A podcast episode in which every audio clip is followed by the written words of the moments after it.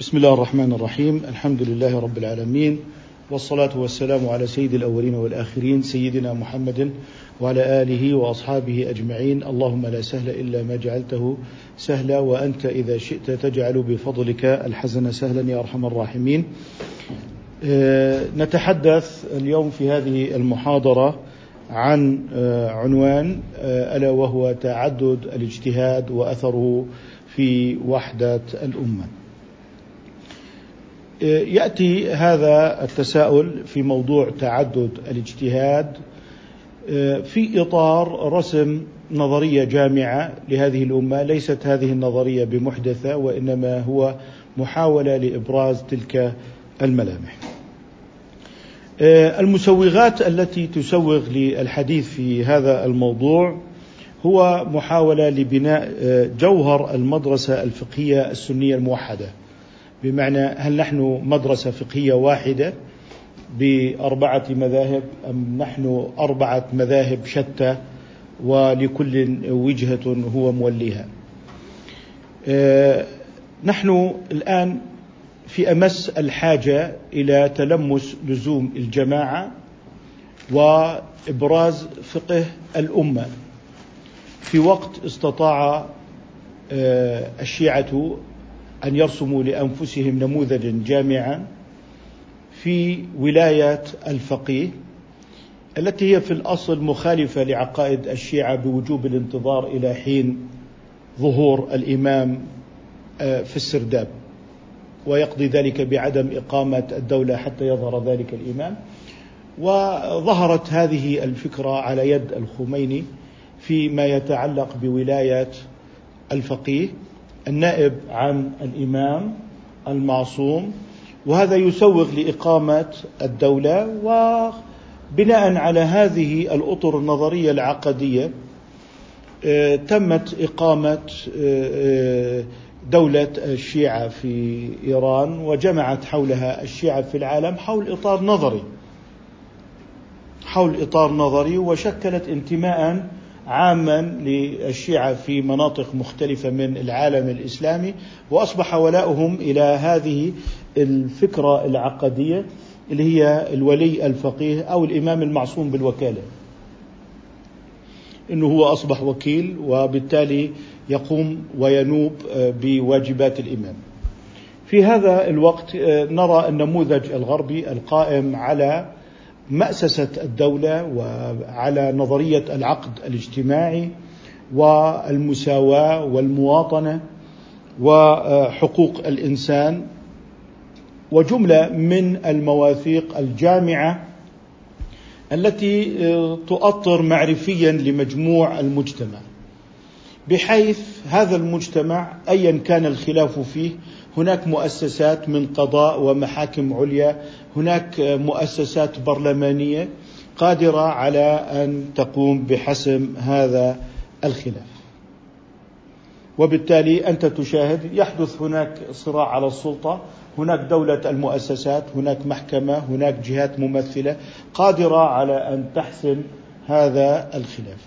هذا النموذج الذي رسمه الغرب لنفسه لم يكن من تجربة في المختبر إنما كان عبارة عن فلسفة إنما كان عبارة عن نظريات اجتماعية تمت في عهد ما يسمونه بالتنوير ونحن لا يمكن أن نسميه بالتنوير إلا إذا تنور بالإيمان بنبوة محمد صلى الله عليه وسلم هو رسولهم ووجب عليهم اتباعه إنما انتقلوا من ظلام الكنيسة إلى ظلام المادة.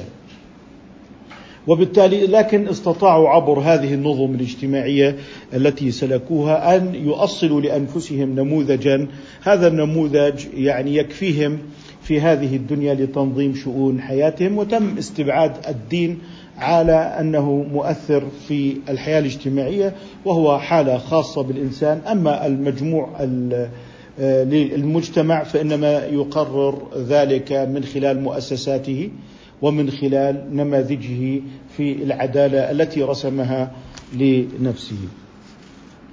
آه الآن نحن في هذا الخضم نتساءل بوصفنا آه أهل السنة والجماعة من نحن وكيف نرسم لأنفسنا طريقا آه، واضحا بينا في هذه النماذج العامة التي رسمت من حولنا واستطاعت أن تجمع المتفرق لأن الغرب لا يؤمن بوجود حق ثابت إنما الحقوق هي عبارة عن أمور نسبية وبالتالي هذه النسبية آه، يتم آه، تقريرها ضمن مؤسسات القضاء والتنفيذ والتشريع.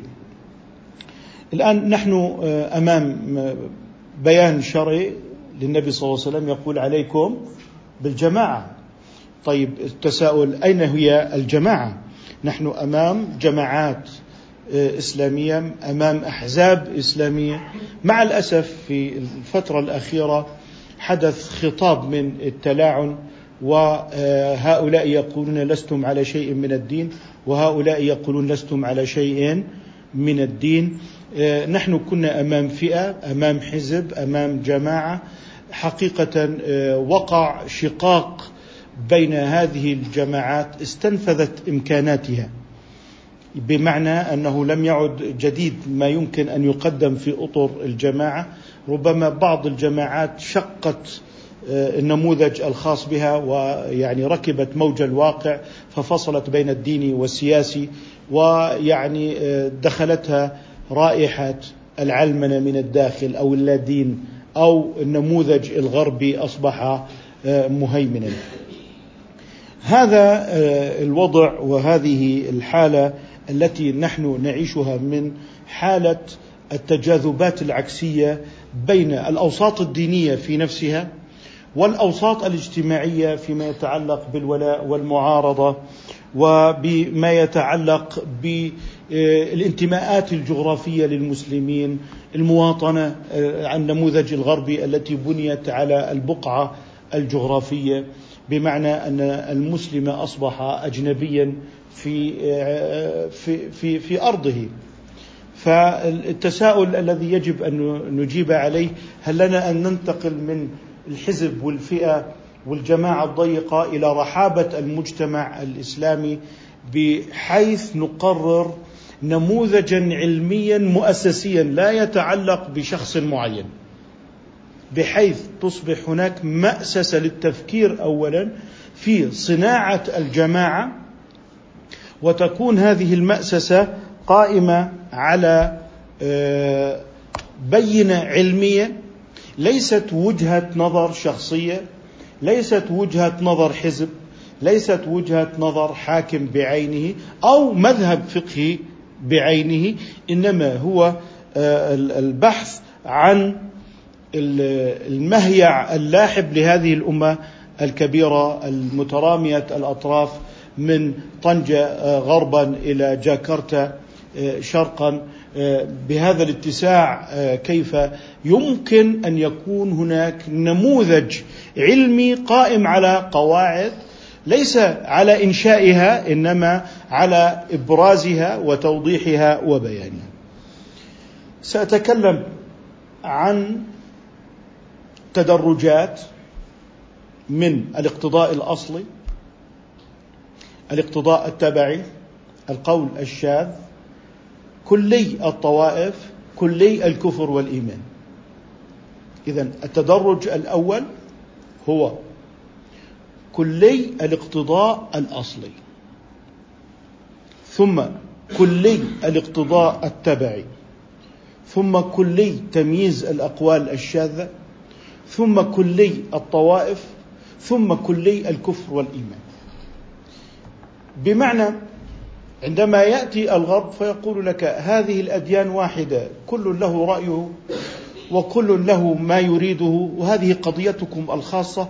نحن سنعتبركم دينا بما أنكم تنادون بالمتعالي المقدس. وبالتالي أنتم موحدون جميعا لأنكم تنظرون إلى المتعالي المقدس ومن أثبت التوحيد لأبي جهل يمكن أن يكون هذا المتعالي المقدس الذي يمكن أن تبنى عليه الديانة العالمية لأنه أصلا يقول ليس فقط التوحيد الإبراهيمي هو يقول التوحيد حتى للوثنيين العرب. وبالتالي نحن هنا نريد أن آه، نبين فواصل وكليات مميزة لهوية الأمة الذين هم أهل السنة والجماعة فأهل السنة والجماعة ليسوا طائفة. أهل السنة والجماعة ليسوا طائفة أهل السنة والجماعة هم الأمة. إذا الكلي الأول الذي نرسمه هو كلي الاقتضاء الأصلي. الاقتضاء الأصلي. الاقتضاء الأصلي يتضمن الإجماعات الضرورية المشهورة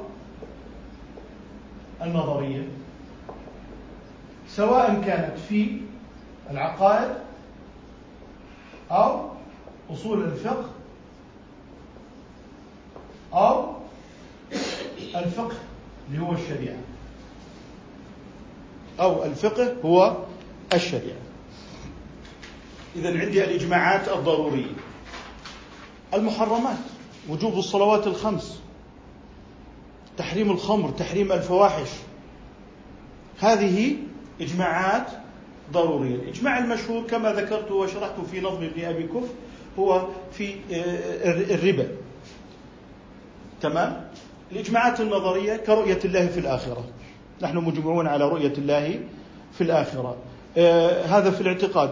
آه الإجماعات آه النظرية في الفقه أن آه، بنت الابن ترث مع بنت الصلب في حال عدم وجود ابن ترث معها السدس فيكون المجموع نصف وسدس وهو الثلثان. لكن هذا محل إجماع.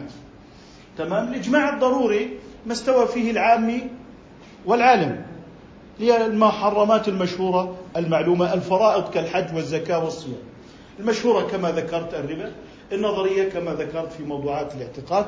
إذا في عندي في العقائد هنا آه، إجماعات وفي الشريعة إجماعات وأيضا في أصول الفقه إجماعات كحجية الكتاب وحجية السنة. واضح؟ وهناك أيضا إجماع على حجية الإجماع عند أهل السنة والجماعة وكذلك على حجية القياس ومنكر القياس الذي هو آه، قياس استنباط العلة الذي خالف فيه ابن حزم يعتبر قولا شاذا آه، بالنسبة للفقهاء. وهذا أثر في بنية المذهب الظاهري بسبب إنكاره للقياس الذي هو استنباط العلة العلة المستنبطة. أما العلة المنصوصة فهذا محل اتفاق.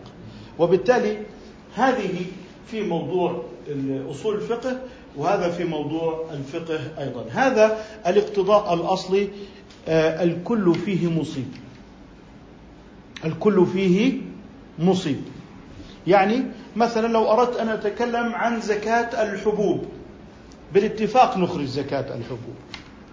لو أردت أن أتكلم عن جمع الصلاتين في عرفة ومزدلفة بين الظهر والعصر في عرفة والمغرب والعشاء في مزدلفة. أجد أنه اقتضاء أصلي. أجد أنه اقتضاء أصلي. إذا هذا الكل فيه مصيب. الكل فيه مصيب. طيب إذا لما آتي إلى الاقتضاء الأصلي انتهيت منه الآن يأتي إلى نأتي إلى الاقتضاء. عليكم السلام التبعي باختصار الاقتضاء التبعي ممكن أنا أجد في مثلا الاقتضاء التبعي في مسائل العقيدة يعني نجد مثلا أن النطق بالشهادتين عند الحنفية الماتريدية أصل الإيمان النطق. عند أهل السنة الأشاعرة هي دليل على أصل الإيمان. فيحدث خلاف من لم يعني ينطق بالشهادتين ومات وقد عزم على النطق بالشهادتين. وقد عزم على النطق بالشهادتين. فعند الأشاعرة هو مؤمن في الآخرة لكننا لا نطبق عليه أحكام الإسلام في الدنيا. عند عند الماتريدية لا هو أخل بأصل الإيمان. طيب المسألة برمتها عند الله تعالى لا يترتب عليها أي ثمرة عملية. طيب عند أهل السنة الأشاعرة العمل من كمال الإيمان. عند الماتريدية من ثمرات الإيمان.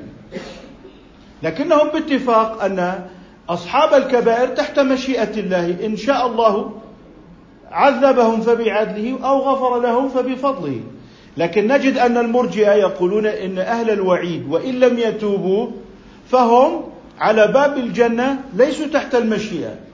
اذا نفرق هنا بين ما هو خلاف بين الماتريدية في الاعتقاد وأهل السنة الأشاعرة أنه خلاف في موضوع أن العمل من ثمرات الإيمان عند الماتريدية لكنه من كمال الإيمان عند الأشاعرة.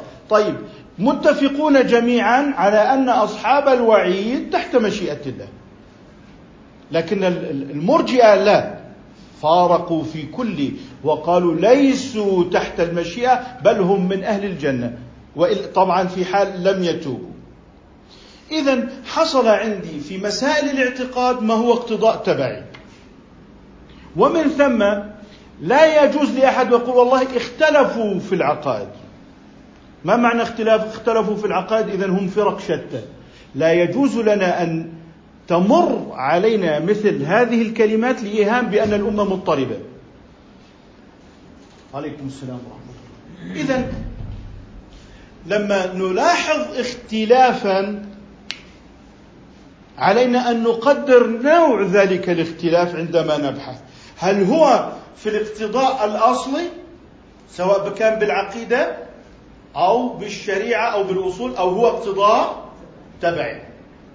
لذلك لما نقول الخلاف في أهل الفترة اقتضاء تبعي ماذا يترتب عليه من ثمرة في الدنيا؟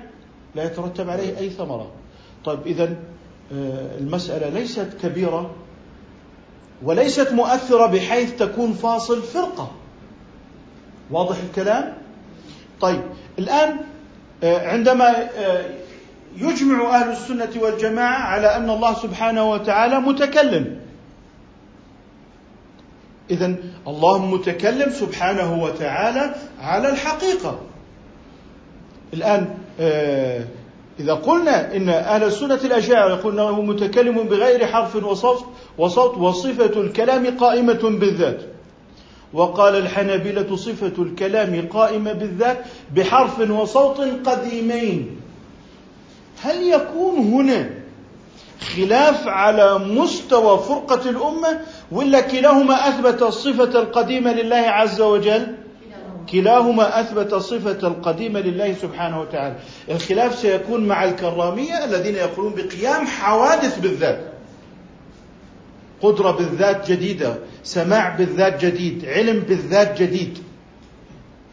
اذا سيكون الاختلاف في العقائد بين الحنابلة والماتريدية والأشاعرة هو خلاف في الاقتضاء التبعي. لا يترتب عليه أصل فرقة. ومن ثم قل اختلف الحنابلة والأشاعرة السؤال فيما اختلف؟ ما درجة ذلك الاختلاف؟ هل هو يرقى إلى مستوى الخلاف في الفرقة أم لا؟ فلذلك نقول إن إجماع أهل السنة والجماعة اللي هو الاقتضاء الأصلي نفي قيام الحوادث بذات الله عز وجل. قضية العمل من الإيمان أو ثمرة من ثمرات الإيمان أصبحنا بالاقتضاء التبعي. طالما أننا بالاقتضاء التبعي إذا نحن محومون حول الاقتضاء الأصلي.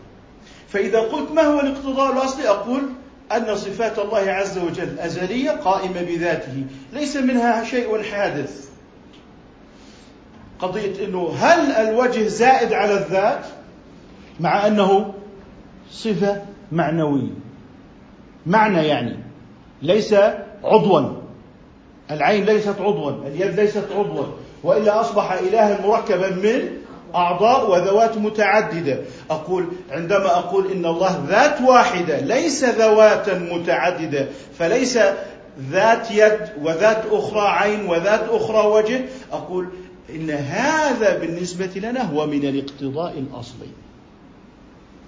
نفي تعدد الذوات للإجماع أن الله واحد في الذات وليس ذواتا متعددة. اذا نحن عندما نبين الاقتضاء الأصلي ونقول هناك اختلاف بين الحنابلة وبين الماتريدية في بعض القضايا وكذلك بين الماتريدية والأشاعرة في بعض القضايا السؤال هل هذا الخلاف يخالف قطعيا في الاقتضاء الأصلي؟ لا يخالف قطعيا في الاقتضاء الأصلي وإنما نذكر هنا من الأمثلة ما يكفي للتوضيح لكليات الاقتضاء الأصلي والاقتضاء التبعي والقول الشاذ وكلي الطوائف وكلي الكفر والإيمان. هنا نحن عندما يقول لي أحدهم الرأي والرأي الآخر يعني ممكن آه، يقول لك الله ليس متكلما أصلا كما هو قول المعتزلة إنما هو كلام مخلوق يخلقه في غيره أقول لقد خالف الاقتضاء الاصلي لأنه عطل صفة الكلام لله تعالى. الكرامي سيقول إن الله يتكلم بعد أن لم يكن متكلما. اذا قال بقيام الحوادث بالذات. لذلك نحن نقول الأمة مجمعة على أن صفة الكلام أزلية لله سبحانه وتعالى مع وجود اختلاف بحرف وصوت لكن الحرف والصوت نفوا عنه الحدوث ونفوا عنه أصوات المخلوقين فأثبتوا اللفظ وفوضوا معناه. كما نحن نثبت الاستواء ونفوض معناه. اذا في هذا الموضع عندما نتكلم عن موضوع الاقتضاء الأصلي والاقتضاء التبعي نقول إن مساحة المجتهد المصيب له أجران ومخطئ له أجر واحد هو في الاقتضاء التبعي. هو في الاقتضاء التبعي. طيب مثال على الاقتضاء التبعي في الفقه كل خلاف فقهي في المعتمد بين المذاهب الأربعة هو اقتضاء تبعي. مثال. آه، الحنابلة أو عفوا الحنفية آه، أوجبوا زكاة الفواكه. الشافعية والمالكية لم يوجبوا زكاة الفواكه. لكن الجميع متفق على زكاة التمور وعلى زكاة الحبوب. إذا نقول اتفقوا على هذا وذاك واختلفوا في الاقتضاء التبعي في موضوع اللي هو زكاة الفواكه. إذا نحن هناك عندنا مساحة اتفاق وهناك اقتضاء تبعي ليس شاردا بل هو محوم حول الاقتضاء الأصلي. من هنا يتبين لنا إنه الخلاف الفقهي هو أصلا محوم حول الاقتضاء الأصلي. وإذا قلنا حوم حول الاقتضاء الأصلي في موضوعات الأصول فهناك اختلاف في بعض القواعد الأصولية وهناك بعض القواعد الأصولية حصل عليها إجماع. العموم مستغرق لجميع أفراده. هذا متفق عليه بين الحنفية والجمهور. لكن الحنفية قالوا إنه مستغرق بطريق القطع والجمهور قالوا مستغرق بطريق الظن. أما الاستغراق فلم يختلفوا فيه. وهذا بسطه في يعني محاضرات أصول الفقه كثير في التمييز بين ما هو اقتضاء أصلي وما هو اقتضاء تبعي. اذا عندما نأتي على هذا المثال فنقول إن كما هو في أصول الفقه اقتضاء أصلي وتبعي كذلك في الفقه اقتضاء أصلي وتبعي كذلك في موضوع آه، العقائد. الآن مما يضاف على هذا الاقتضاء التبعي تحقيق المناط. تحقيق المناط. معنى تحقيق المناط أن يثبت الحكم بمدركه ولكن يبقى النظر في تعيين محله. يعني تغيير خلق الله حرام. إظهار الزينة جائز. الآن تقويم الأسنان إظهار الزينة. علاج حروق الوجه. إظهار الزينة. على سبيل المثال. إذا أجد هناك ما هو عمل إظهار زينة وممكن واحد مش عاجبه جنس ذكر أو أنثى ويريد أن يكون ذكرا أو أنثى. يعني بصير يقولوا الإنسان اللي هو الإنسان الطبيعي الإنسان الطبيعي والإنسان الاجتماعي. الإنسان الطبيعي هذا جسمه. الإنسان الاجتماعي ما يختاره هو لنفسه. يعني هو حب هو ذكر يحب أن يكون أنثى أنثى يحب أن يكون ذكر. هذا من تغيير خلق الله. تمام؟ لا, لا شك في وضوحه. لذلك نحن هنا نبين الواضحات. فلذلك نحن أمام جواز الزينه وتحريم تغيير خلق الله. الآن المحل في الواقع الذي يتنزل عليه هذا الحكم هو تحقيق مناط وهو أيضا من الاقتضاء التبعي كاختلاف الفقهاء مثلا في تحديد من هو الفقير الذي يعطى من مال الزكاة. فنصنفه من باب الاقتضاء التبعي. طيب آه، أحيانا ممكن تتغير الأمور. بالستينات كانوا يعدون آه، موضوع السمنة مسألة زينة. يعني إذا أردت أن تخفف من وزنك هذه أمور من الزينة. لكن بعد فترة وجدوا أن آه، على سبيل المثال السمنة سبب أمراض القلب وسبب لتصلب الشرايين وما إلى ذلك. فأصبحت السمنة تصنف على أنها مرض. بناء على أنها كانت للزينة يحرم قطع المعدة أو تكميم المعدة لأجل النحافة. لماذا؟ لأنه كانت تصنف هذه من الزينة وبالتالي لا يجوز قطع المعدة من أجل الزينة. لكن لما شخص الطب أن السمنه مرض تغير لدينا الحكم. فصار عندي تغير في تحقيق المرض. إذا هنا صار عندي في الاقتضاء التبعي صار عندنا الخلاف الفقهي المعتبر وصار عندنا اللي هو تحقيق المرض. وهذا كله يجري مجرى الكليات. نحن يهمنا المسار الكبير الذي يمكن أن نمر من خلاله ومن هنا نلمس أن الفقه هو عبارة عن قواعد وليس الرأي والرأي الآخر. واضح؟ آه، قضايا الاقتضاء هنا قائمة على قواطع من العقول والنقول. وبالتالي ليست الرأي والرأي الآخر وليست دينا وضعيا بمعنى أنك تريد أن تجعل يا أيها, الفلس يا أيها الفكر اللاديني الفلسفي الأوروبي أن تجعل دينا من ضمن تلك الأديان. الإسلام دين البشرية قائم على قواطع علمية اللي هي إحنا بنسميها المقدمات والمعارف العامة اللي هي قبل ما نبدأ بالحديث عن الإلهيات. إذا نحن نقرر القواعد العلمية بعد ذلك نبدأ بتقرير العقائد. وبالتالي ليست القضية قضية وضعية رجال الدين. الآن رجال الدين عبر التاريخ عملوا على القطع في كل ما يقولونه بحكم التفويض الإلهي السر المقدس وما إلى ذلك فحكموا في قضايا فلكية وكونية وطبيعية.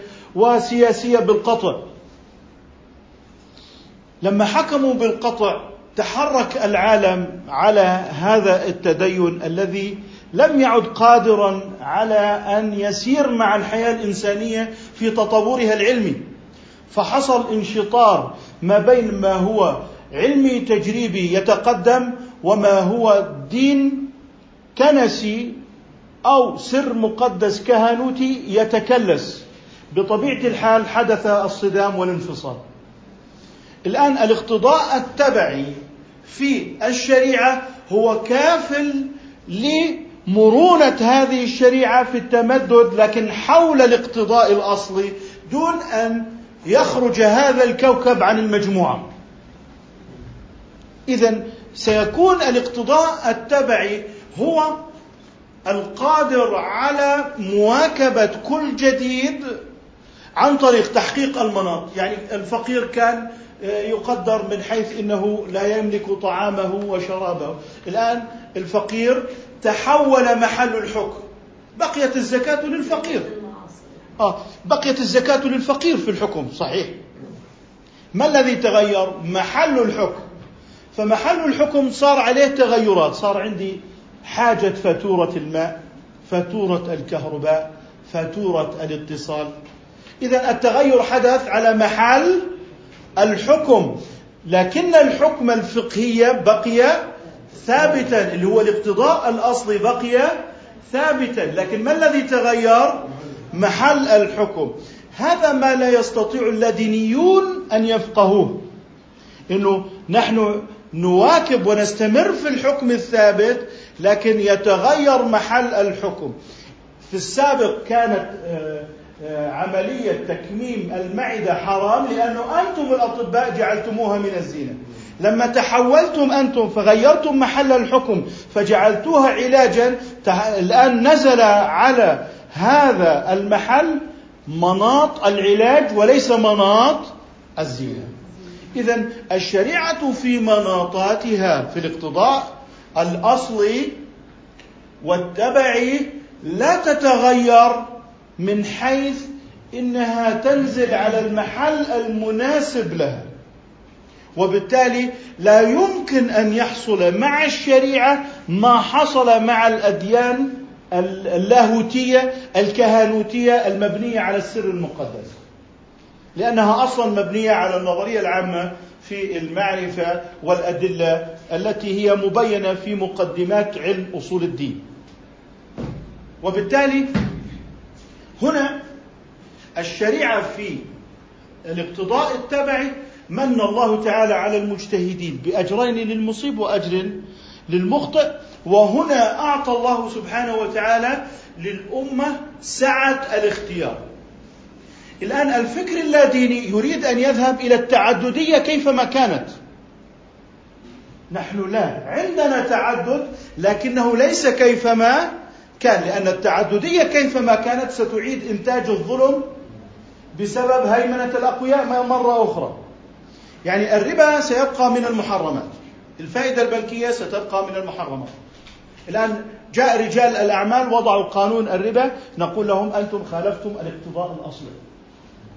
لا ينفعكم برلمان ولا دستور لأنكم أنتم خالفتم اقتضاء أصليا هو الإجماع المشهور. طيب اذا هذا الكلي في الاقتضاء التبعي. ممكن أيضا نجعل في العقائد في الكلي في الاقتضاء التبعي اختلاف أم المؤمنين عائشة مع ابن عباس في المعراج. هل رأى رسول الله صلى الله عليه وسلم ربه ليلة المعراج أم لا؟ تقول اختلفوا في العقائد. قل لك هذه عبارة لا تساوي شيئا. هذا اختلاف في الاقتضاء التبعي. انتهينا من الموضوع. ليس اختلافا في الاقتضاء الأصلي. الجامع للأمة هو الاقتضاء الأصلي والأمة ليست شاردة في الاقتضاء التبعي بل هي عبارة عن كواكب تدور حول الاقتضاء الأصلي وهي محومة حوله.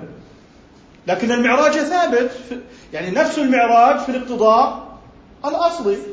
واضح؟ رؤية الرسول صلى الله عليه وسلم ربه ليلة المعراج اقتضاء تبعي إذا هي محومة حوله. الآن بعد هذا الاقتضاء التبعي نأتي إلى القول الشاذ. إباحة الفائدة البنكية على أنها مضاربة مصادر بالنص. مصادر. ليست هي هي مخالفة في جوهرها لموضوع القراض أو المضاربة كما فسرها. يعني ما لا أحد قال من العلماء الربا حلال. هم قالوا الفائدة البنكية هي من باب الربح في القراض أو المضاربة. أنت تعطي مالك للبنك أنت رب المال والبنك هو العامل ويتجر ومن ثم. لكن نحن ننظر طالما أن العلاقة علاقة قرض إذا أنت قولك هنا شاذ. تمام؟ إذا آه نكاح المتعة. قول شاذ. طيب مثل آه اتفقوا على وجوب قضاء الصلوات على من تركها عمدا. واحد قال لا زكاة في التمر. مثلا قياسا على التين مثلا واحد قال بدنا نوجب الزكاة في الغزال لأنها تشبه الأغنام. قياس قياس طرد. واضح؟ إذا هنا القول الشاذ. الآن أنتم تريدون أن تتحكموا على الناس وتصنفوا هذا آه، شاذا وهذا صائبا وهذا كذا. نقول لهم لا. المعيار موضوعي علمي. ما هو المعيار الموضوعي العلمي القول الشاذ الذي اصطدم مع أحد أربعة. الإجماع النص النص اللي هي دلالة النص التي لا تحتمل. تمام؟ القياس الجلي القاعدة الفقهية. طبعا هذه خطوط عامة. ممكن واحد يدعي أن فلانا فارق قياسا جليا لكن نجد أنه لم يفارق القياس الجلي القياس الجلي بمعنى القياس بنفي الفارق. القياس مع نفي الفارق. مثل المخدرات. أقيسها على الخمر بنفي الفارق. كونها هذه مسكرة وهذه مسكرة لكن المخدرات فيها آفات زائدة. فبكون عندي قياس جلي قياس جلي مثل تحريم الضرب قياسا على التأفف. بالنسبة للوالدين. إذا أيضا القول الشاذ فيه ضوابط. واضح؟ آه، آه، القنوت بدعة. قول شاذ. في خلاف فقهي. هذا خلاف فقهي. لا تقحم البدعة على الخلاف الفقهي. إذا قضية أنك تقول والله هناك مذهبان معتبران في موضوع أن القنوت في الصبح وهناك مذهبان معتبران أنه لا قنوت في الصبح. أين يكونان؟ في الاقتضاء التبعي. لا تنقل من الاقتضاء التبعي وتحمل على القول الشاذ. لأن هذا سيفجر الفقه الإسلامي إذا أدخلت عليه على الخلاف الفقهي البدعة لأن الخلاف الفقهي مبني على دليل والدليل له أصل والبدعة لا أصل لها في الشرع. مفهوم؟ إذا هذه اللي هي بخصوص القول الشاذ وضوابط القول الشاذ. فمن أراد فمن أراد أن يصف قولا بأنه شاذ عليه أن يبين بهذه المعايير. يعني نحن نضع معيارية الآن. لا تقول لي قاله فلان الكبير ولا فلان الصغير.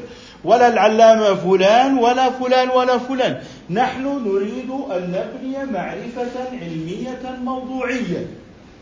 نحن لا نتكلم عن مذهب مالك أو مذهب الشافعي.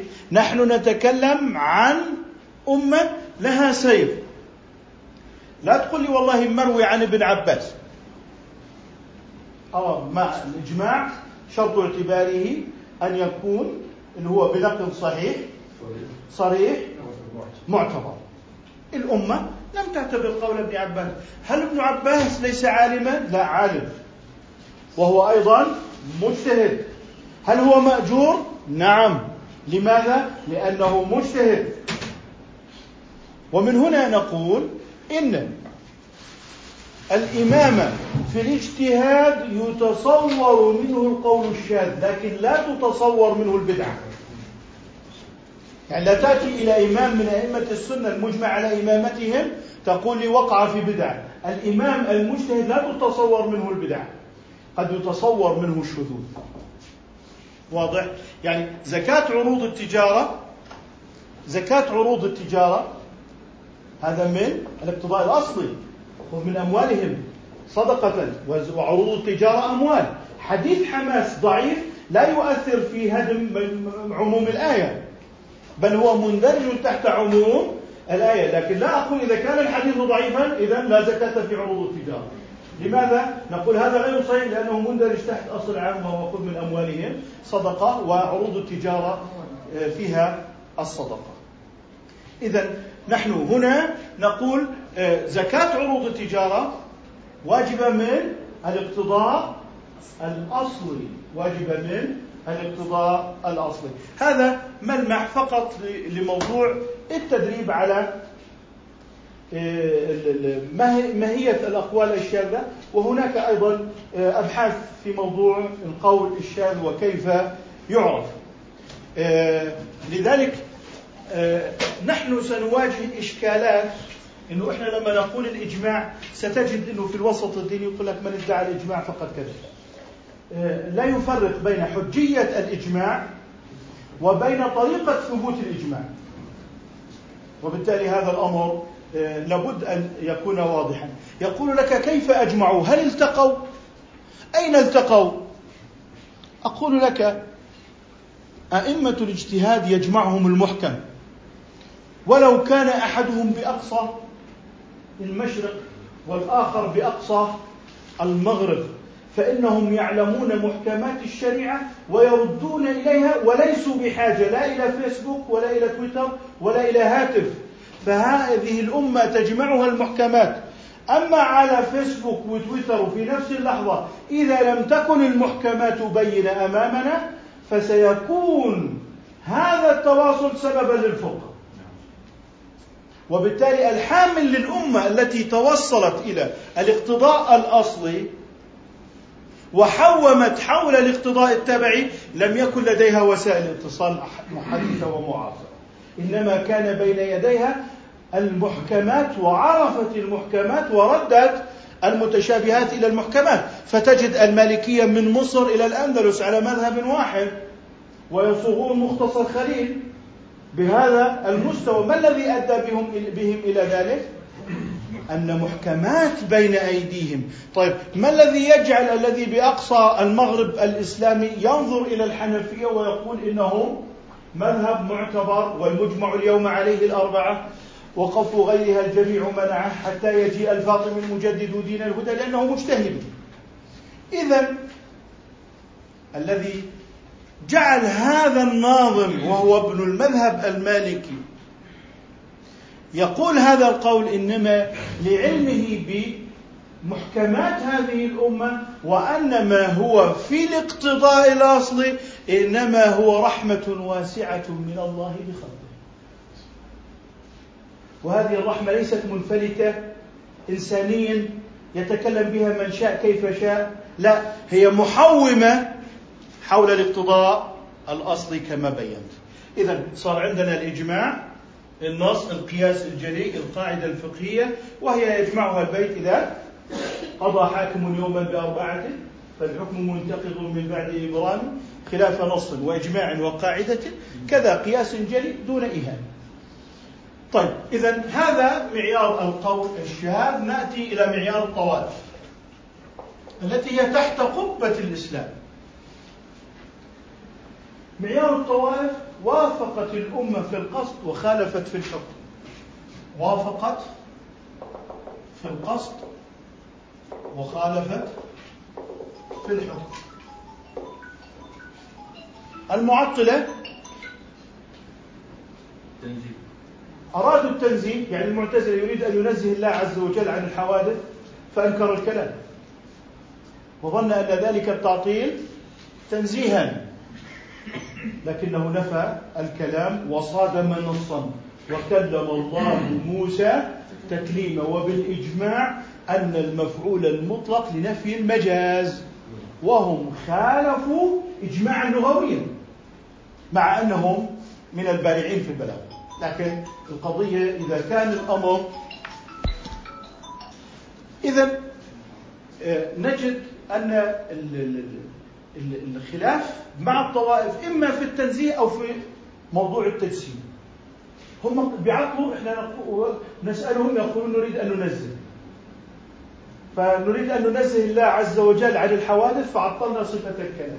لذلك نقول الجوهر هنا أن التوحيد إثبات ذات لا تشبه الذوات ولا معطله عن الصفات ولا معطله عن الصفات.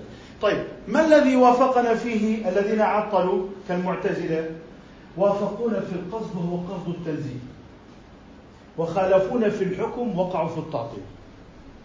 طيب الكرامية قالوا بجواز قيام الحوادث بالذات. هذا مخالف للاقتضاء الأصلي. أن الذات الإلهية منزهة عن الحوادث يعني لما تقول حوادث يعني يسمع لم يكن سمع من قبل.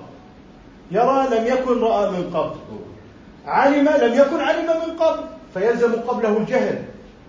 طيب نقول لهم لما فعلتم ذلك؟ قالوا أردنا أن نثبت. لأنهم ظنوا أن إذا قلنا بأن الله منزه عن الحوادث أننا عطلنا. فهم موافقون في قصد الإثبات وخالفون في حكم التجسيم. إذا جوهر الطوائف في كلهم أنهم يوافقون أهل السنة الأمة في القصد ويخالفون في الحكم. فإذا يعني أراد المعتزلة مثلا أن يثبتوا الاختيار للعباد فقالوا بتأثير العباد في أفعالهم. وأنتجوا إلى خلق أفعال العباد. أنتجوا خلق أفعال العباد. إذا المعتزلة يريدون أن ينزهوا فيعطلوا وأحيانا يريدون أن يثبتوا الاختيار للإنسان فأثبتوا للعباد تأثيرا مع الله في خلق الأفعال. لذلك أدى بهم ذلك إلى أن يقولوا إن الإنسان يخلق فعل نفسه وهو الذي يخلق الشر وليس الله عز وجل. والكنيسة بتقول الله محبة ولا يخلق الشر. فستجد أن هذه الطوائف هي عتبات الإلحاد.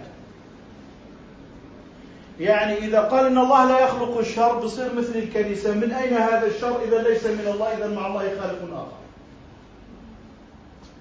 طيب إذا قلنا إن الله ذوات اليد ذات والعين ذات والوجه ذات إذا لم يعد واحدا في الذات إذا صرنا في عتبة الأقانيم.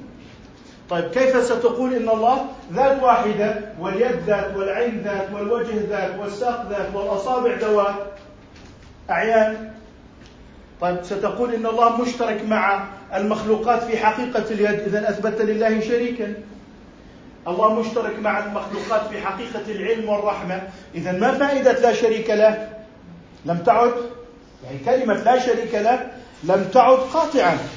إذا أصبح عليه استثناء. أصبح عليه إيه؟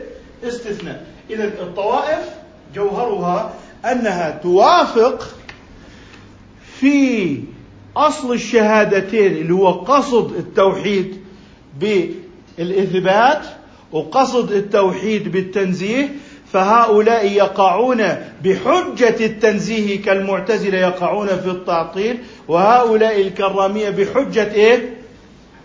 بحجة الإثبات يقعون في التجسيم. الآن الوعد والوعيد الوعد والوعيد. المرجئة أخذوا الوعد وهجروا الوعيد. والخوارج أخذوا الوعيد وهجروا الوعد. فالخوارج كفروا بالذنوب. كفروا بالذنوب. إذا كليات أهل السنة والجماعة ليست تكفير بالذنوب. هذا كلي هذا لا يتخلف عند أهل السنة والجماعة. واضح؟ طيب الآن المرجئة المرجئة قالوا إن العمل ليس من الإيمان وإن أصحاب الكبائر وإن لم يتوبوا على باب الجنة إن شاء الله ولا يلحقهم وعيد بالمرة إذا سنجد أن الطوائف مخالفة في الاقتضاءات الأصلية ومخالفة لها في كل يعني ممكن واحد يقول طب ما هو ممكن واحد يقول من بعض علماء المسلمين إن تارك الزكاة تكاسلا كافر أو تارك الايه الصلاة كافر أو اللي كفر بالحاكمية بمجرد الحاكمية كافر لكنه لا يكفر مثلا آه، تارك الزكاة والحج والزنا وما بيكفر. بنقول وافق الطوائف في جزء وفارقهم في كل. وافق الطوائف في جزء ولكنه أيضا موافق لأهل السنة في الكل وموافقته لأهل السنة في الكل لا يخرجه من أهل السنة. وإن وافق الطوائف في جزء لكن قوله ذاك شاذ وعدم يحرم الفتوى به والقضاء والعمل ولا يجوز ذكره للاعتبار بل على سبيل وإلا ستدخل عندك الطوائف إلى داخل الإسلام والسنة. لذلك لابد من المحافظة على حاجز فاصل بين كليات الطوائف على مستوى الكلي وبين الجزئيات التي التبست. طيب الآن المعتزلة لهم أدلة على التنزيه. آه. كل أدلتهم على التعطيل هي شبه اتخذوها من أدلة التنزيه. طيب والكرامية أيضا عندهم أدلة من الكتاب والسنة. ما ما هو للإثبات جعلوه للتجسيم. وبالتالي الخوارج جاءوا على الوعيد فأخرجوا أهل الذنوب من الإيمان لأنهم خالفوا في معنى الإيمان. فجعلوا الأعمال الظاهرة في أصل الإيمان. فمن زنى أو سرق كفر. لماذا؟ لأن الأعمال في أصل الإيمان. أهل السنة قالوا الأعمال كالأشاعرة من كمال الإيمان وعند الماتريدية من ثمرات الإيمان لكن بالاتفاق عند أهل السنة في معلمهم عدم التكفير بالذنوب. وبالتالي هو من السهل جدا أن تحيي المعالم الكبرى. يعني من معالم أهل السنة الترضي على جميع الصحابة. طيب الشيعة مثلا فارقوا أنهم أساءوا للصحابة وطعنوا فيهم. إذا خالفونا في كل هذا خلاف طائفتين. طيب ممكن أجد أن أحد أهل السنة غمز في واحد من الصحابة كمعاوية رضي الله عنه. فنقول فيه إن فيه غمزة في دينه بمقدار ما غمز. لكنه لا يخرجه بمفارقته في هذا الجزء وهو معاوية رضي الله تعالى عنه لا يخرجه من أهل السنة والجماعة. ما الذي يخرجه من أهل السنة والجماعة؟ مفارقتهم في الكل. مفارقتهم في الكل. إذا عدالة الصحابة من الاقتضاء الأصلي. من الاقتضاء الأصلي. نحن عندما نتكلم عن موضوع الاقتضاء الأصلي لكل أمة ثوابت. لا تناقشني في هذه الثوابت. إذا لم ترضى بهذه الثوابت ناقشني من خارج السور سأتكلم معك من خارج السور لكن لا تدخل إلى داخل السور وتعبث بأشجاري وتعبث بمياهي وتعكر علي صفو معرفتي خصوصا أن هناك عامة لا يميزون بين التاريخ والسنة.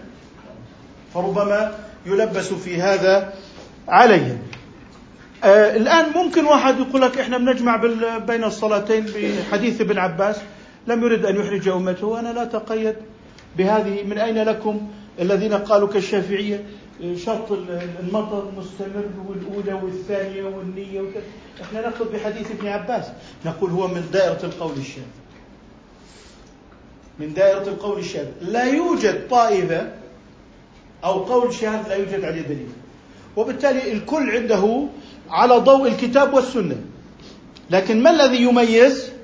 الذي يميز هو الكليات. يعني تريد أن تكفر على ضوء الكتاب والسنة ممكن. نصوص الوعيد.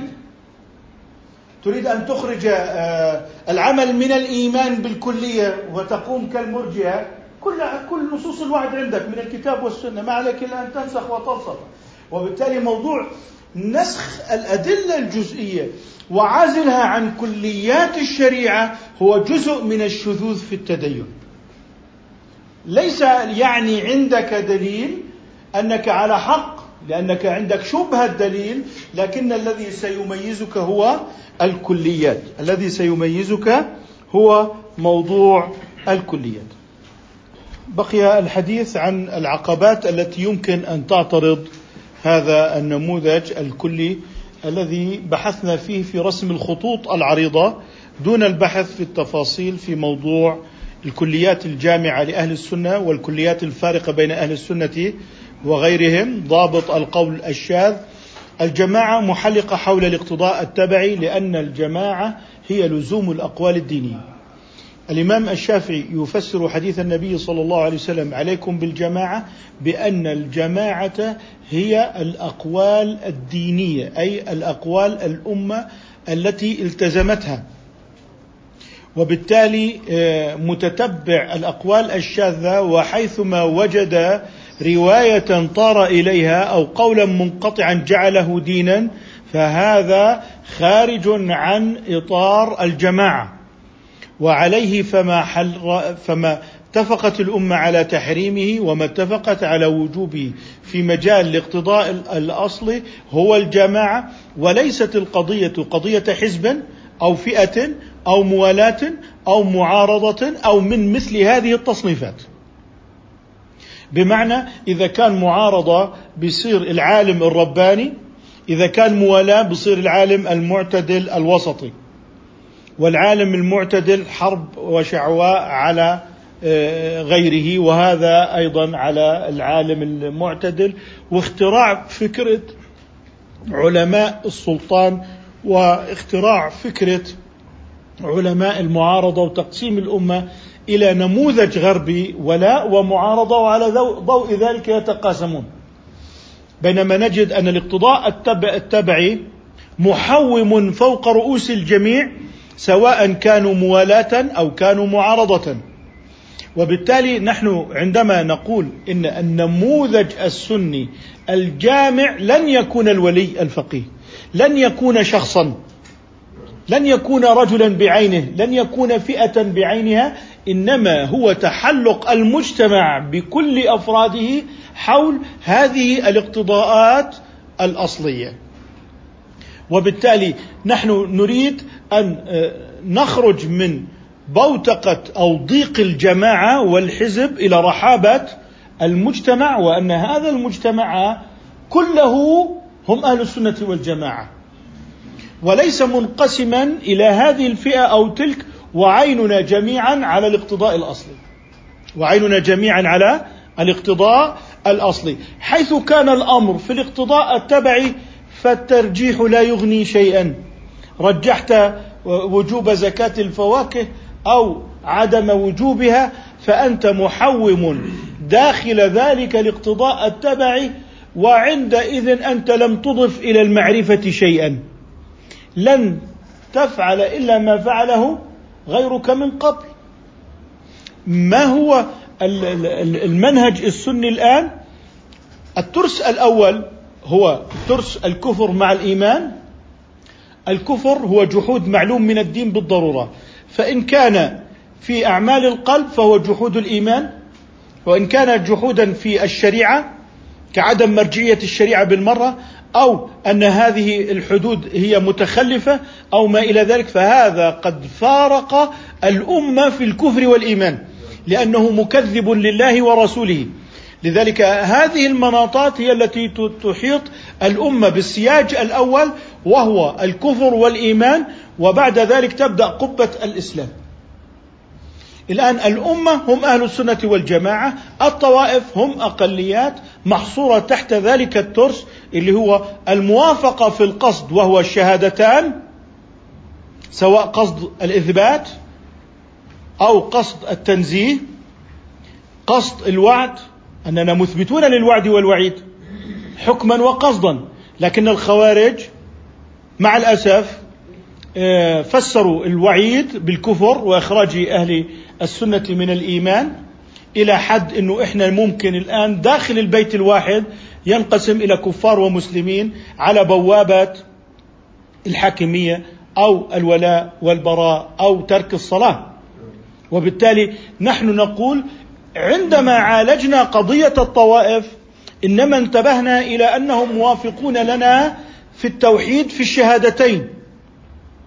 في التوحيد في الشهادتين الذي هو القصد الأول. هذا هو القصد. أما المعطلة فقد وافقونا في قصد التنزيه وخالفونا في التعطيل. المجسمة وافقونا في قصد الإثبات وخالفونا في في حكم التجسيم. نحن جمعنا بين الوعد والوعيد فقلنا إن الكفر لا يكون إلا بجحود وتكذيب لأن الإيمان والإسلام اذعان ونقيض الإذعان ليس الذنوب إنما هو الجحود. وبالتالي يحصل نقيض الإسلام والإيمان بالعناد والاستكبار والجحود والتكذيب وهذا هو ديدن الكافرين مع أنبيائهم. اذا نحن رسمنا مجتمعاتنا على ضوء هذه الاعتبارات احتوينا الطوائف تحت قبة الإسلام بالرغم من شذوذها وبقيت شاذة حتى في الوجود. فبعض الطوائف دائما يعني يرحمكم الله. يظهرون ثم يختفون ولكن أمة أهل السنة باقون. إذا آه، معيار الطوائف هذا هو لا تأتي بالطوائف لتجعلها أنها على حق وصواب وأنها بين صواب بأجرين وخطأ بأجر واحد. هذا أمر مرفوض تماما. هذا مخالف لقطعه اللي هو المبني في الاقتضاء الاصل والمخالف لذلك واقع في الشذوذ وهو وقع في الاعتقادات ومخالفته في الاعتقادات كما بينا بين الكرامية الذين آه، قالوا ما قالوا من دعوى التجسيم باسم الإثبات أو المعتزلة ومن لف لفهم من دعوى التعطيل باسم التنزيه. وبالتالي نحن نحافظ على المسافات. الفرق عاشت في كنف أهل السنة والجماعة بكرامة. بكرامة. من يذكر أن أهل السنة والجماعة ارتكبوا مذبحة ضد أقلية من الأقليات التي تعيش بينهم. ولكن مع الأسف هذه الأقليات التي شذت عن سواء السبيل كلما ضعف أهل السنة والجماعة تواطؤوا مع الغزو الخارجي. وما أخبار الشام والعراق منا ببعيد. لذلك أهل السنة والجماعة هم أهل العدل والإنصاف والرحمة على الكفار وعلى الطوائف الشاذة.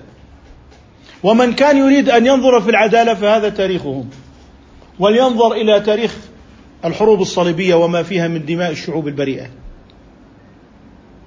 وما أحوال الجزائر منا ببعيد وأحوال فلسطين منا ببعيد اذا الأمة التي لو أنها تحلقت حول اقتضائها الأصلي وتنوعت في اقتضائها التبعي ووقفت موقف العدل في القول الشاذ والطوائف والكفر والإيمان عندئذ يمكن أن تنهض الأمة. ولكن ذلك لابد له من تحديات في الواقع. عدم التمييز بين حجية الإجماع وطريق ثبوته هذا موجود.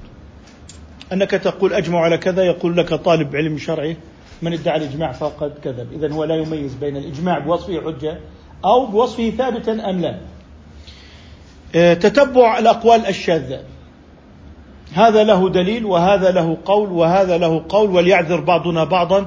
بهذه الحالة الانفتاحية يعني أنت تسب الصحابة وأمهات المؤمنين تقول لي وليعذر بعضنا بعضا. أنت تريد أن تكفر المجتمعات الإسلامية وأن تدخل الكفر على مسجد المسلمين.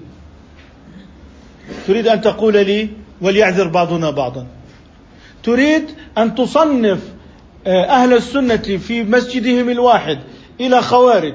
وجهمية وكفار عباد قبور وما إلى ذلك ثم تريد أن تقول لي وليعذر بعضنا بعضا. أقول لك هذه فلسفة غربية قائمة على الرأي أو الرأي الآخر التي لا يوجد لها ضابط في معرفة الحق. ونحن قد بينا ضوابط معرفة الحق ومعالم هذا الحق. طيب الأقوال المنقطعة أن تأتيني بقول لأبي ثور أو هذا قاله عطاء. أو هذا عند ابن عباس أو هذا عند ابن جريج؟ تقول ابن عباس قال بنكاح المتعة ولم يثبت رجوعه وما إلى ذلك. أقول لك ابن عباس على رأس الأمة كلها لكن هذا القول من شاذ لم يعتبره من هم أعلم منا وهم الصحابة. أه، تقول لي لا هذا قول ابن حزم وابن حزم عالم. ليس هذا بحثنا. ليس هذا بحثنا. نحن بحثنا موضوعي ليس بحثا شخصيا. انظر هل هو موافق في الاقتضاء الأصلي؟ فابن آه، مثلا حزم أنكر حجية القياس الذي هو قياس العلة المستنبطة. وأثر ذلك في كل فروعه إلى حد أن العلماء لم يعتبروه في الإجماع. واحيانا يذكر حيث ينبغي أن يذكر. اذا ليست القضية شخصية مع ابن حزم. إنما هو حيث وافق آه، آه، الصواب عند مجموع هذه الأمة عندئذ نجد أنفسنا أمام المذهب الذي ليس بعبارة عن شخص إنما هو مدرسة علمية لها قواعدها وأصولها وتعاليمها وهذا يعني امتداد المذهب. الذين عملوا من داخل المذاهب حفظتهم تلك المذاهب وامتدوا عبر الزمان لأنهم تعلقوا بمدرسة علمية ليس بشخص. آه، الرأي الشخصي في الدين التنحيت بما يسميه بعضهم القول الراجح نحن عندما ترجح الجمع بين الصلاتين عند المالكية أو عند الشافعية أو في غير هذه المسألة من المسائل أنت لم تضف علما. لا إذا رجحت قول الحنفية لم تزدهم ولم تنقص الشافعية. وكذلك لو فعلت العكس فهذا لا يضيف علما. العلم هو في المسائل المستجدات وإعادة إنتاج المجتمعات الإسلامية وفق الجماعة وأن نراك متمترسا عند الخطوط الأمامية الأولى مع الكفر أو عند الخطوط الدفاعية الثانية مع الطوائف أو أننا نجدك وقائما بالعدل عند القول الشاذ منبها من عنه. أما موضوع هذا على مذهب الشافعي انتقل إلى مذهب مالك لم يزدد قربا من الله ولو فعل العكس لم يزدد بعدا من الله. إنما هو العبرة بالأعمال والتقوى واجتناب الحرام. فهذه كلها عند الله بالنسبة لنا. سواء والله أعلم بالصواب. طيب. آه نحن عندما نطرح هذا الموضوع نطرح ذلك أمام إرهاصات فيما يتعلق بوحدة الأديان. وأن هذه الأديان سواء وأنها كلها على المتعالي المقدس وليعذر بعضنا بعضا كلمة مفتوحة. الرأي والرأي الآخر كلمة مفتوحة. لا تجمع أمة. هم صحيح أنهم تبنوا الرأي والرأي الآخر لكنهم استطاعوا أن يقيموا مؤسسات من برلمانات ومحاكم عدل عليا. تستطيع أن تفض النزاعات على مستوى المجتمع بينما مجتمعاتنا الإسلامية لها جوهرها المختلف نحن لا يوجد عندنا الكفر من الرأي الآخر لأن عاقبته جهنم خالدا فيها أبدا. بل إن النبي صلى الله عليه وسلم عندما كان يقاتل الكافرين في النهار يبكي عليهم في الليل لما رآه من مصائرهم رحمة بهم. ووقف في سيفه آه، وقف بسيفه في طريق جهنم. يصد الناس عن جهنم ليدخلهم الجنة. إلا من أبى وعاند وكذب وجاحد وجحد هذه هي الرحمة الحقيقية. أما أن تسهل للناس عن طريق تعدد الرأي والرأي الآخر ورأي الأديان وكلنا سواء والمتعالي المقدس وما إلى ذلك وتقول كلها تؤدي إلى طريق واحد نقول لك هذا من التغرير بالكافرين على خلاف منهج النبي صلى الله عليه وسلم الرحيم. الذي وقف يذب الناس عن طريق جهنم بيده وبسيفه وبرمحه وبلسانه وبكل ما يستطيع. لذلك هنا نحن آه، أمام خطورة إنه مأسسة غربية فكرية مدعومة سياسيا اجتماعيا مدعومة ماليا مدعومة بكل الوسائل تريد أن تماهي بين الإسلام والأديان الوضعية البشرية أو التي أصلها سماوي ولكنها حرفت ونحن بهذا التقسيم نكون على بينة. نكون على بينة. أنت هناك في كلي الكفر والإيمان هذا في كلي الطوائف. لا تقل لي إذا كان هناك أن الأمة الإسلامية اختلفت هذا اختلاف طوائف اختلاف أقليات. الأمة ظاهرة وواضحة والحق بين عندهم. آه، التأسيس فيما يتعلق بموضوع نظرية المعرفة الإسلامية ونظرية المعرفة هي نظرية علمية. نحن أمام إشكال أنه الفكر اللاديني المهيمن الغربي يقوم على أساس أنه انتقلنا بحسب ما يزعمون من العلم الإلهي إلى الخبرة الإنسانية الدنيوية وبالتالي لسنا بحاجة إلى العلم الإلهي آه، نحن نريد أن ننزع الغيب عن المجتمع بسموه نزع السحر. الحداثة جوهرها نزع الغيب عن المجتمع أو نزع السحر هكذا يسمونه. وهم يريدون أن ينزعوا السحر ومنه الغيب في الإسلام والإيمان. وبالتالي نحن هنا نكون أمام كليات الكفر والإيمان. نحن مع الإشكاليات التي تعج من حولنا آه، نجد أن هناك من الناس من يقول أنا أجتهد برأيي وأنا أعرف الحق بنفسي فتجده أصبح خليطا من أقوال المعتزلة من أقوال العولمة من أقوال وهكذا. أصبحنا أمام حالات خلطات. آه، ما الذي يميز هذه الخلطات؟ الكل يستدل بالكتاب والسنة. يعني من أدخل النصارى الذين ماتوا على النصرانية مع بلوغ دعوة النبي صلى الله عليه وسلم صحيحة وأدخلهم الجنة أدخلهم بآية من القرآن. قضية أنه عنده دليل هذه لا تصلح نحن أمامنا معالم واضحة للكفر والإيمان. طيب آه، إذا إذا كان هناك من اخترع ولاية الفقيه أو هناك من اخترع العقد الاجتماعي نحن هذا عقدنا مع الله سبحانه وتعالى وليس كعقد آه، جان جاك روسو وهمي. مثل خط الاستواء توهمه وأن المجتمع متعاقد مع الدولة والأفراد متعاقدون مع آه، بعضهم فيما بينهم. نحن لسنا أمام إجماع يعني اعتقادات وهمية. نحن بيننا وبين الله عز وجل ميثاق ونحن في عالم الغيب أن نؤمن به. ألست بربكم؟ قالوا بلى شهدنا أن تقولوا يوم القيامة إنا كنا عن هذا غافلين. أو تقولوا إنما أشرك آباؤنا وكنا ذرية من بعدهم أفتهلكنا بما فعل المبطلون. إذا نحن لسنا أمام عهد رسمه آه، جان جاك روسو جعله وهميا. نحن بيننا وبين ربنا عهود حقيقية ومآلنا إليه سبحانه وتعالى. آه، الخطاب الإعلامي. نحن عندما نطرح هذا الخطاب هو خطاب علمي. الآن إذا طرح الخطاب الإعلامي فهو الذي يستولي على المجتمع. لماذا؟ الخطاب الإعلامي خطاب مجيش بالمشاعر آه، بالتعبويات وما إلى ذلك من مثل هذه الخطابات ويمكن أن يغلب. لكن نحن يمكن أن نستثمر هذا النموذج في جمع الكلمة ووقف الاضطراب عن طريق التعليم والتدريس وهكذا. آه، الفلسفة الدنيوية آه، يجب أن ترمى بالقاعدة المعرفية العامة في النظرية نظرية المعرفة العقلي والعادي والشرعي بتفاصيلها الكثيرة فتكون آه، نظرية المسلمين العلمية أقوى لأن فيها ما هو الشرع الذي رفع النزاع والخلاف من البشرية. موضوع العقل والنقل وتعارض العقل والنقل داخل المعرفة الإسلامية هذه خرافة. آه، تنفيها كتب أصول الدين تنفيها مصادرنا الأصولية. ثنائية العقل والدين ثنائية موجودة عند الفلاسفة واستمرت في الفلسفة الأوروبية وليس لنا فيها ناقة ولا جمل حيث أثبت العقل الإمكان جاءت الشريعة بالإثبات أو النفي.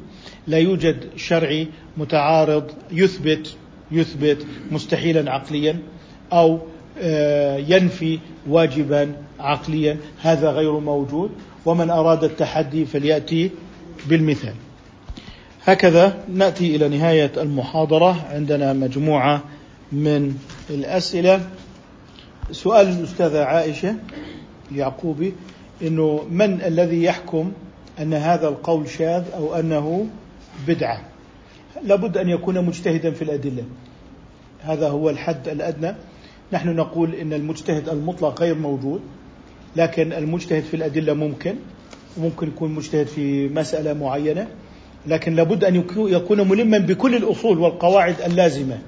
يعني بعضهم يقول إنه مجتهد مسألة اذا هو لا يعرف في الأصول ولا في اللغة فيذهب فيبحث المسألة من من جميع أطرافها، هذا ليس مجتهد مسألة.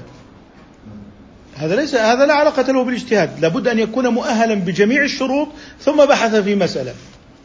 هذا بخصوص هذا القول ونحن مع آه، الاجتهاد الجماعي والمناقشة المستمرة والبحوث ومناقشتها في هذا الموضوع.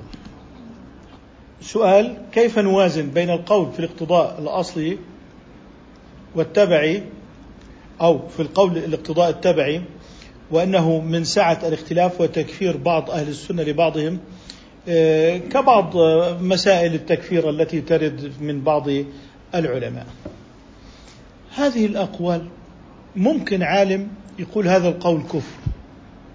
ممكن يكون بحسب نظر له بناء على قواعد معينة المرجع في هذا لما الأمة العلماء كانوا يؤلفون ويكتبون ويخاطبون طبقة العلماء وطبقة طلاب العلم. يعني لم يقف على منبر وقال هذا كافر وهذا كذا إنما هو خطاب تداولي. يعني ممكن أي شخص بعد ما مارس التكفير على المنبر وفرق بين المرء وزوجه وفرق المجتمع وحمل السلاح يقول لك أهو المذهب الفلاني بيقول هيو كافر هذا لا يفرق بين الخطاب في مرحلة التداول وخطاب الإفتاء.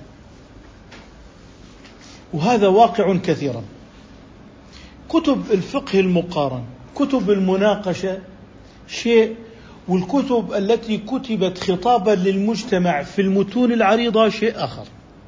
تجد الإمام النووي في المجموع يقرر مسألة إذا تصدر للكتابة في الإفتاء في المنهاج كتب المذهب الذي هو خطاب للأمة الذي هو خطاب للأمة. إذا هناك فرق عند العلماء بين الخطاب في كتب الاستدلال كتب التفسير كتب شرح الحديث كتب الفقه المقارن التي إما أنه ينظر على اعتبار هذا الحديث أنه يدل على كذا على اعتبار هذه الآية أنها تدل على كذا على اعتبار مناقشة المذهب الآخر فيمكن تجد أن المازريه يرجح مذهب الحنفية لكنه إذا أفتى أفتى بالمذهب المالكي هل هناك فرق؟ نعم هناك فرق فنحن الآن أمام جيل يأتي إلى كتب التداول الفقهي فينسخ منها على أنها فتاوى. ثم يأتي إلى مصادر الفتوى في المنهاج وفي مختصر خليل فيحذفها ويقول هذه فارغة من الأدلة. بهذا الزعم. وبالتالي سيكون تحديا أمام الذي ذكرناه أن هناك من سيذهب إلى منطقة التداول ثم يأتي إلى هذه المسودات فيريد أن يجعلها دينا. أما عندما وقف النووي على المنصة ليتكلم في خطاب المجتمع ووقف خليل في مختصره لخطاب المجتمع عندئذ يقومون على تحطيم المنصة ثم إخراج المسودات. هذا نموذج موجود. فيقول أنت أفهم أم من النووي؟ أنت أعلم من ابن حزم؟ أنت أعلم من فلان؟ ليست القضية كذلك. هذه أقوال منقطعة. هذه أقوال سردها العلماء لبيان قوة عارضتهم في الاستدلال والمخالفة. بل على العكس هي ثمرة من ثمرات بقاء الفقه المقارن للمحافظة على العقلية الاجتهادية. وإلا إذا كنا نلقن المتن الفقهي في هذا الحفظ دون أن يكون هناك مجال للمعارضة وفقه المعارضة فهذا يعني أننا قد وأدنا عقلية الفقيه. غدا ستأتينا المستجدات سنجد أشرطة مسجلة ولن نجد علماء. لذلك كتب الفقه المقارن وما ذكرته من أقوال مضاعفة وما نقلته من أقوال منقطعة إنما كان ذلك لأجل بيان مدركات الأدلة بيان العلوم وليست على سبيل الإفتاء. فجاء قوم فحسبوا أن هذه الأقوال هي فتاوى ولم يفرقوا بين ما هو تفسير وما هو شرح للحديث وبين ما هو مقارن وبين ما هو خطاب للفتوى. فقال لك لقد كفر فلان وقال فلان وقال فلان. من باب إحياء متشابهات للتشويش على الاقتضاء الأصلي والتبعي. وبالتالي سنكون أمام محطات تشويش داخلية وتحديات داخلية أكثر من التحدي الخارجي لأن التحدي الداخلي سيكون بالمتشابه. أما ما يقاربك من وحدة الأديان فهي واضحة البطلان. لكن الإشكال أهو قال النووي بجواز كذا؟ أنت أفهم من النووي. طب ماذا قال النووي في المنهاج مخاطبا بالفتوى؟ طيب يوجه لك لماذا قال في الفتوى هنا وقال في المجموع بخلافه؟ أنت أجب لتعلم أن خطاب الفتوى هو خطاب موحد للمجتمع. ولذلك حرصت المذاهب على أن يكون هناك خطاب موحد للمجتمع. وبالتالي لم نجد أن صلاة في الجزائر تختلف عن صلاة في المغرب أو في الأندلس أو في السودان أو بين صلاة في إسطنبول عن صلاة في كابول. هذه هي الجماعة. لذلك وصلوا إلى الجماعة. فكتبت المتون الفقهية لأن الفقهاء ينزعون إلى الجماعة. وهدمت المتون الفقهية لأن هؤلاء الأفراد ينزعون إلى الفردية والشبهة والشذوذ. ولذلك ستجد اقوالا في التكفير في كتب الفقه وفي كتب لكنهم لم يقولوها على سبيل خطاب المجتمع إنما هو كلام متداول مسودات بانتظار التحرير والتمحيص ثم بعد ذلك يخرج خطاب المجتمع. كيف ترد على من قال أن الله اكتسب الاستواء بعد العرش؟ هذا الخلاف معروف. هل الاستواء حادث والله تقوم به الحوادث؟ قول الكرامية تقوم بذاته الحوادث. به كلام حادث وعلم حادث وسمع حادث ونزول حادث كلها حوادث. وبالتالي هي ترجع إلى أصل كلي. إذا كان تقوم بذاته الحوادث فله علم جديد لم يكن سابقا. اذا سبقه جهل. له سمع جديد لم يكن سابقا. له نزول جديد آه، قام بالذات. ها شرط قام بالذات. لذلك هناك فرق بين أهل السنة والجماعة بمجموعهم. فارقوا هذه المقولة التي تزعم أن الله سبحانه وتعالى تقوم بذاته الحوادث لأنه عندئذ يصبح هو العالم. يعني ما هو الطريق على للقول أن الله هو العالم؟ وحدة الوجود إذا كان العالم تقوم به الحوادث وهو قديم والله قديم تقوم به الحوادث إذا الله هو العالم. ستؤدي إلى هذه النتائج يعني لذلك الطوائف هي العتبات المقدسة للإلحاد. تعدد ذوات الله عز وجل لذلك نجد أن الفقهاء وعلماء العقائد تكلموا عن هذا الموضوع ضمن أصول كبرى. عندنا أصل الإيمان أصل أن الله لا تقوم بذاته الحوادث. هاي أصول كبرى فيها خلاف مع الطوائف بالتأكيد أنا ما ذكرت القدرية مثلا في بعض الأسئلة ما ذكرت القدرية لكن القدرية يقولون أن الأمر أنف إذا الله له علم حادث وبالتالي رجعنا إلى قيام الحوادث بالذات. رجعنا إلى قيام الحوادث بالذات. لذلك آه، من أصول الطوائف الكبرى التحسين والتقبيح فرق بيننا وبين المعتزلة في هذه المسألة. آه، القيام آه، قيام الحوادث بالذات فرق بيننا وبين الكرامية. موضوع القدرية هم مع المعتزلة في هذا الموضوع. فلذلك الطوائف ستجد أنها تداخلت فيما بينها في هذا الأمر. فلذلك نقول إن الله له قدرة لها تعلقات. تمام؟ التعلقات حادثة والخطاب أزلي. وأنا بدي تعلقات حادثة. إذا نحن أمام حدوث التعلقات. أهل السنة يقوم بحدوث التعلقات. يعني ما بدي أشبه. هذا ليس موطنا للتشبيه. أنت عندك علاقة بتعلق عليها وعيك في البيت صح ولا لا؟ لو واحد قال لك أنت كل يوم بتعلق على العلاقه معقول العلاقة بظلها محلها؟ طب أنت كل يوم بتعلق. علاقة ثابتة. العلاقة ثابتة. حاشاه سبحانه وتعالى. سبحانه. قدرته أزلية قديمة والمتعلقات حوادث. إذا نحن أمام حوادث تعلق الحوادث لسنا أمام حدوث الصفات. لأنه إذا كانت حدوث صفات عجبتك العلاقة؟ طيب. ماشي. طيب. إذا الله عز وجل لو قامت به الحوادث لكان كالعالم. يعني ما هو الدليل على على حدوث العالم؟ قيام الحوادث بالعالم. طيب فإذا كان الأزل قامت به الحوادث كيف تثبت حدوث العالم؟ ما هو العالم أمامك حادث؟ تغيرات.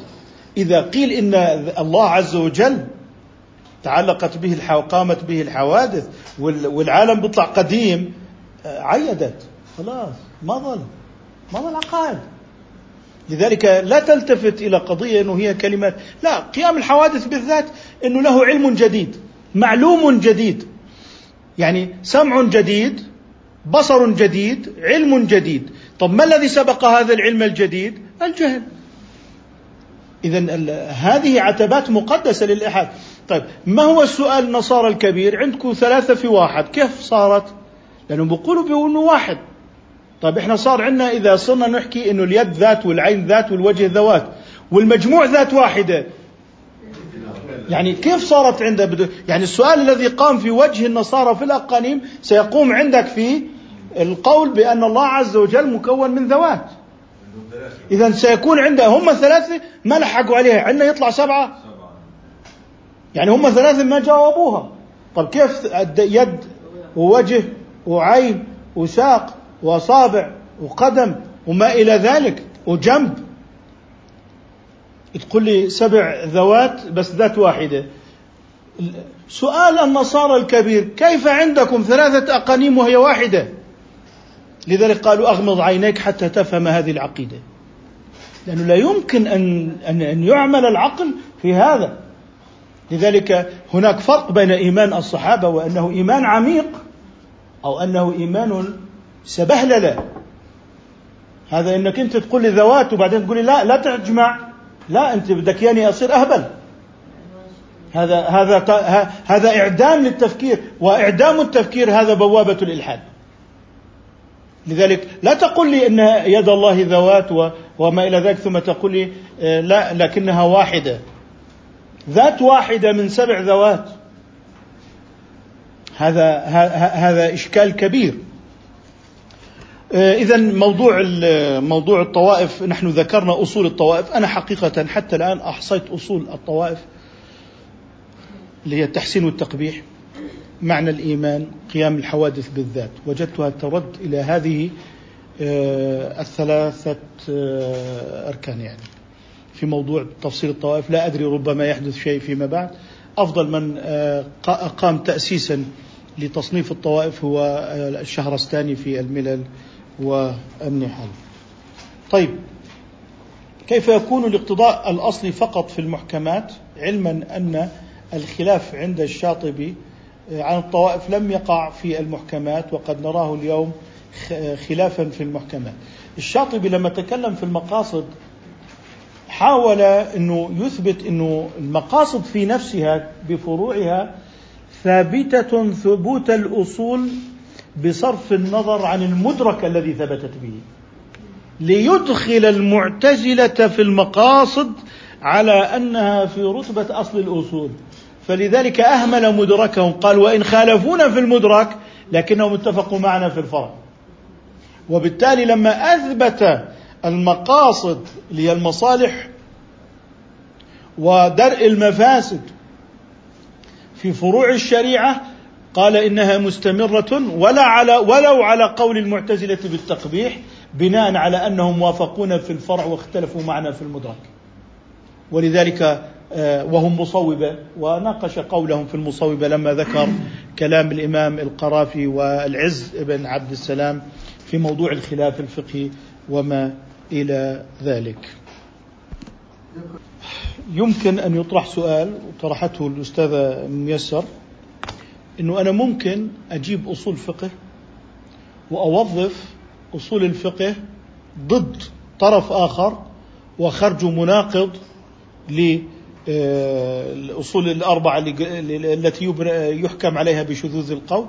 وبالتالي تكون هنا الأصول قابلة للاستخدام. وإذا حصل ذلك لم نستفد من هذا النموذج بالمرة لأنه بقيت الأمور مفتوحة للفوضى. نقول إن استخدام أصول الفقه قطع غيار ممكن. لكن الذي يستطيع أن يكشف هذا الاستخدام هو الاصولي الذي رسم هذا النموذج. يعني لما يقول أحدهم هذا حرام سدا للذريعة. ربما يأتي عوام ويناقشون لمدة ساعات دون أن يكون هناك سؤال منتج. الاصولي ماذا سيقول له؟ لماذا لم تقل بالمصلحة؟ أيهما أرجح عندك المصلحة أم سد الذريعة؟ ورجح الإصلاح كالإسارة تفدى بما ينفع للنصارى. ما هو الحياة التي أمامي صراع في موضوع السياسة مثلا صراع مصالح ومفاسد. عندما تدفع أيها المسلم فداء للعدو من الأموال سيشتري به العدو سلاحا. لكنك تريد أن تفدي به المسلم. فأيهما أولى سد الذريعة أم جلب المصلحة؟ جلب المصلحة مقدم على سد الذريعة. واضح؟ وبالتالي هذا الاستخدام ممكن أحدهم قال والله آه، يجوز بقاء المرأة المسلمة مع زوجها الكافر إذا أسلمت بناء على أنه يغتفر في الدوام ما لا يغتفر في الابتداء. مثلا. طيب. الآن أنت قلت ذلك. لو سألتك رجل وهو يصلي انتقض وضوءه هل تغتفر له في الدوام ما لا يغتفر في الابتداء؟ سيقول لا أقول له أرني كيف توظف قواعدك؟ سيصبح له سؤالا محرجا. سيصبح السؤال له محرجا. لماذا؟ لأنه لم يستعمل هذه القواعد في منهج علمي. هذه الأسئلة هي التي ستفضح هؤلاء الذين يستخدمون. هناك من استخدم قواعد أصولية في هدم الحجاب. مثلا عدنان إبراهيم قال آه، الأصوليون قالوا إن إن أمر الأول الثاني أن يأمر ثالثا ليس امرا من الأول للثالث. إيه، على هذا الأصوليون جمهور من الأصوليين. ولذلك قال وليس من أمر بالأمر أمر لثالث إلا كما في ابن عمر. استخدمها لكن بالإلغاز. وأتى بمثال مروا أبناءكم بالصلاة لسبع. فالصلاة لا تجب على الأطفال لكن الأمر واجب على الآباء. إذا الأطفال ليسوا مأمورين وبناء عليه المرأة ليست مأمورة بالحجاب. لأن ربنا قال يا أيها النبي قل لأزواجك وبناتك ونساء المؤمنين يدنين عليهن. إذا هذا أمر من الله لثان وهو رسول الله أن يأمر ثالثا وهم النساء وهن النساء. إذا ليس أمرا للنساء بالحجاب. إذا هذه الآية لا تفيد وجوب الحجاب عليهن.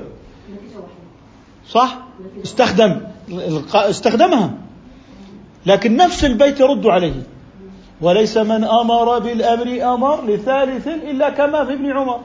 لما قال له مره فليطلقها. لما طلق زوجه وهي حائض. ها؟ لأنه إذا خرج الأمر من باب البلاغ فالإجماع منعقد على أنه أمر من الأول للثالث. والآية مصرحة بالبلاغ. قل. إذا آه ممكن. لكن هذا سيظهر من هو الأصولي الذي يمكنه أن يطرح مثل هذه الأسئلة. فإذا وجد أصحاب الشبهات من يتصدى لهم بنموذج أسئلة حقيقية وفي محلها لن يبقوا. ستتكسر مجادفهم ويخرجون مهزومين. طيب نكتفي؟ بقي. نكتفي بهذا القدر إن شاء الله تعالى. سبحانك اللهم وبحمدك نشهد أن لا إله إلا أنت نستغفرك ونتوب إليك.